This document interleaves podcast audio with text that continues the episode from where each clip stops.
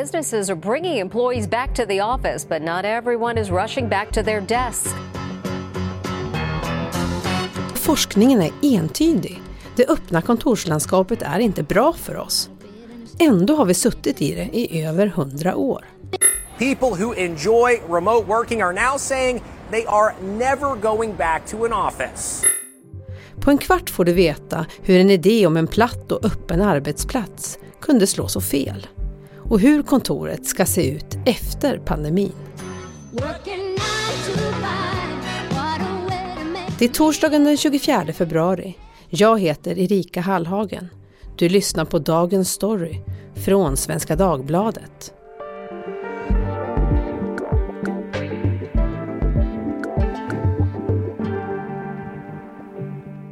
Elisabeth Andersson, du är kulturreporter på Svenska Dagbladet och arkitekturskribent. Vad har du saknat mest med kontoret? Ja, kollegorna såklart. Det är det här snacket vid kaffeapparaten, de här spontana mötena som, som alla pratar om att man har saknat. Hur känns det att vara tillbaka? Då? Ja, men det är ju kul när man är här och eh, ja, man springer på kollegor som man inte har sett på länge. Men du har nyligen skrivit en understreckare om det här, alltså en fördjupande essä i Svenska Dagbladet. Där framgår det att kontorslandskap inte alls är speciellt bra för oss. Det är väl så att vi har fått många kontorslandskap som inte har varit så bra varken för vårt välmående eller för vår produktivitet. Jag tror många har, har känt att det har blivit för mycket trälhav av det moderna kontorslandskapet. Vad säger forskningen? Hur, hur, får den här miljön oss att må? Ja, det finns ju flera studier som visar på att det finns ett samband mellan öppna kontorslandskap och en hög stressnivå. Och eh, det finns en dansk studie som gjordes före pandemin som visade att eh, personer som hade eget rum de hade betydligt färre sjukdagar per år än de som sitter i stora kontorslandskap. Och sen så finns det också studier som visar att kontorslandskapen är inte bara dåliga för vårt välmående, de kan också faktiskt eh, göra att det blir svårare att interagera med sina kollegor. Och det låter ju väldigt konstigt, för en poäng med kontorslandskapet det är ju att, att man enkelt ska kunna kommunicera och eh, eh ha, ha kontakt med sina kollegor. Men i ett öppet kontorslandskap så kan man känna sig väldigt övervakad och eh, kontrollerad. Och då kanske det kan vara svårt att få till den där dialogen och det där kreativa samarbetet inför öppen ridå. För alla ryggar som suttit och krummat över köksbordet i två år måste det vara bra att komma tillbaka till kontoret. Ja, det finns nog många som inte alls mått bra av att jobba hemma under pandemin av, av olika skäl.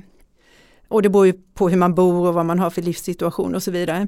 Men det kom en studie som kallas jobbhälsoindex som visar att människor faktiskt fick mindre ergonomiska besvär under pandemin och det kan ju låta jättekonstigt med tanke på att folk suttit hemma vid köksbordet ofta tror jag utan någon vidare ergonomisk utrustning.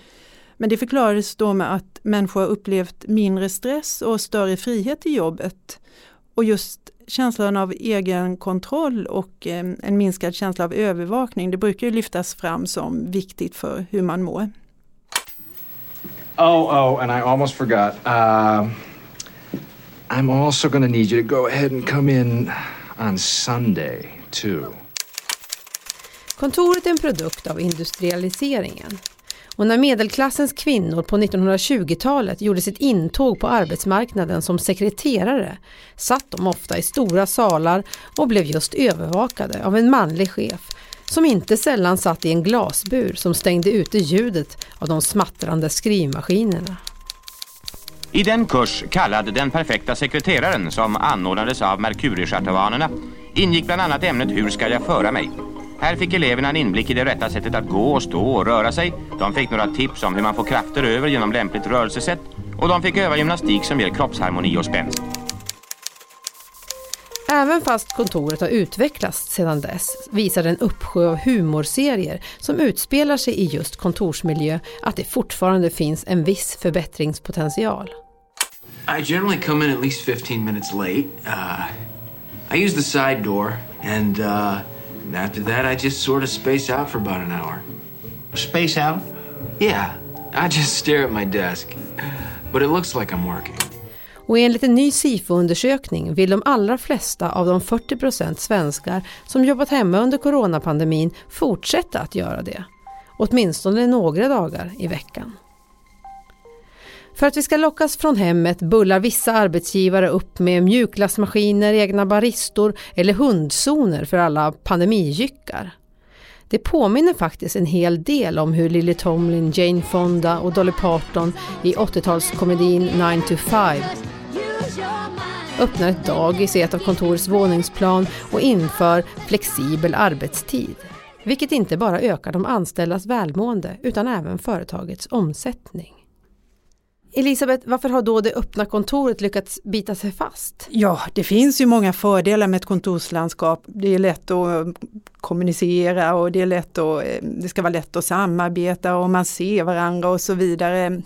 Men ett annat svar är ju helt enkelt eh, pengar, alltså kontorslandskapet. Det är ju en, en bra lösning om man vill tränga ihop mycket folk på liten yta. Då kan man ju kapa yta och därmed kostnader. Kontorslandskap, det är ett vackert ord ändå. Ja, alltså kontorslandskapet, det moderna kontorslandskapet, det föddes ju på 50-talet i Tyskland och det heter då Bürolandschaft. Och eh, det var ju ett vackert ord som du säger, kontor, landskap. Man, man, får en bild av att man kan vara på kontoret, man kan träffa sina kollegor, man kan göra ett meningsfullt jobb och samtidigt så kan man ströva som i ett grönt landskap och känna sig lite fri. Och det var väldigt eh, fina idéer bakom det här konceptet då, byrålandschaft. Eh, tanken var att man skulle komma bort från det här mer hierarkiska arbetslivet. Man skulle riva väggarna, man skulle skapa ny öppenhet, chefen skulle ut på golvet. Och det här föddes ju som sagt var då i Tyskland eh, och det var ju en produkt av sin tid. Man ville ju, man ville ju hitta nya sätt att mötas, man, man ville hitta nya sätt att jobba på som då skulle gynna ett mer demokratiskt samhälle. Man ville komma bort från de här stela strukturerna, de stela hierarkierna. Människor skulle inte längre sitta på rad i en stor sal utan nu skulle man sitta i mer organiskt formade mönster omgiven av gröna växter och enkelt kunna ja, kommunicera med varandra. Men det här låter ju väldigt bra, men varför fungerar det inte? Alltså dels tror jag det fanns en naiv uppfattning om att ett modernt kontorslandskap skulle leda till större jämlikhet.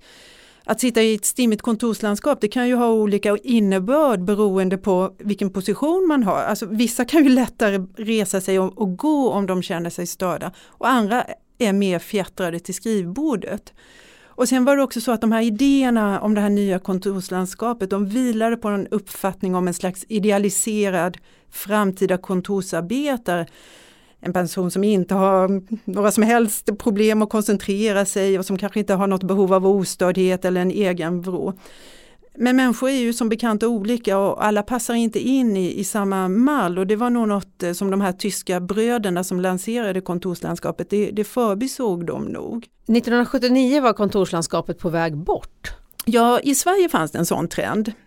Eh, för då hade man testat kontorslandskap och så hade man kommit fram till att ja, det var ju inte så bra för produktiviteten och inte heller för trivseln. Men många kände sig väldigt störda. Eh, så då kom det en ny lösning som kallades för kombikontor och det var en mix av egna rum och öppna landskap. Men de var ju såklart ganska utkrävande.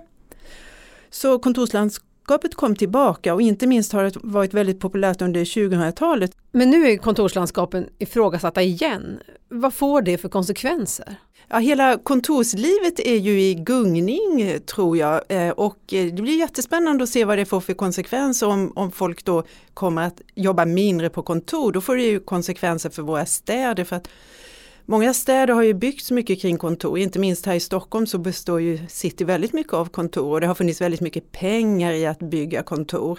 Och eh, då kanske man måste tänka om och eh, det är klart att det påverkar ju stadskärnan om det är färre människor som jobbar inne i city på kontor.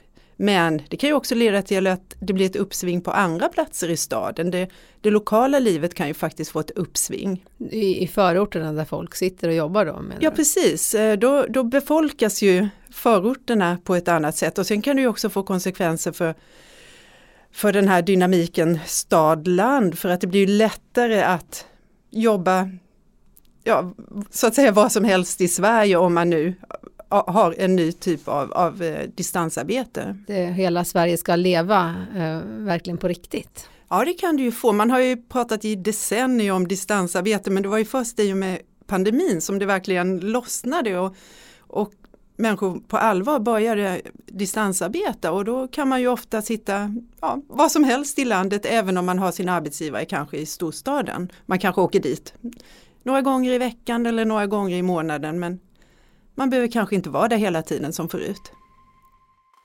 Some are calling it the big quit, others the great resignation. Workers want better pay and benefits, of course, but they're also demanding autonomy and flexibility, particularly in their work schedules, and employers, large and small, simply have to respond. Kontorsdöden är en trend som vi kan se på många ställen i världen. I USA talar man om Big Quit. Miljontals anställda har under pandemin bland annat haft tid att reflektera över balansen mellan arbete och fritid och valt att hellre säga upp sig än att återvända. Men trots att statistiken talar sitt tydliga språk så byggs det fortfarande nya kontorskomplex, till exempel i centrala Stockholm, i Örebro, i Östersund och i Solna. Kanske kan man åtminstone hoppas på att själva kontorsmiljön utformas på ett sätt som bättre motsvarar de anställdas önskemål. Kommer vi, tror du, se, se en återgång till, till egna smårum? Det känns som drömmen.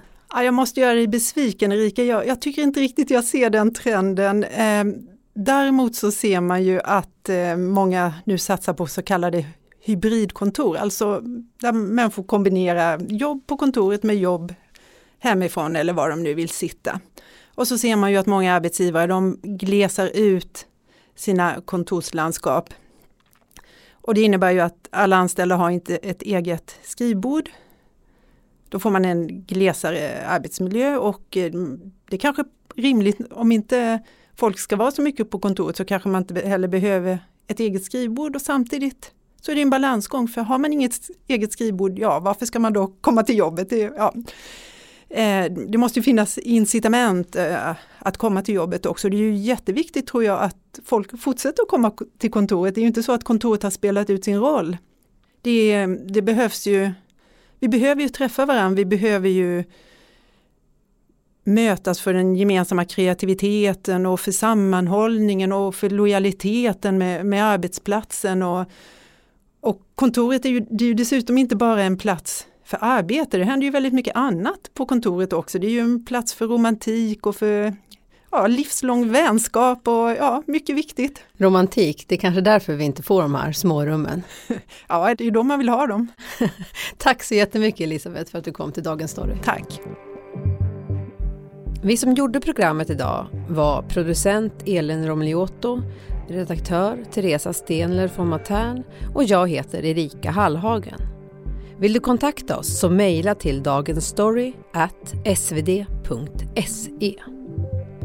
Ljudklippen du hörde kom från SVT, CBC, Inside Edition och CBS 60 Minutes. Dessutom hörde du klipp ur filmerna 9 to 5, Office Space och Bridget Jones dagbok. I mean, I know it's been awkward as arse, but there's there's no need to leave. No, actually there is. I've been offered a job in television. Television? Mm. And they want me to start straight away. Um, so I've got to leave in about, ooh, three minutes.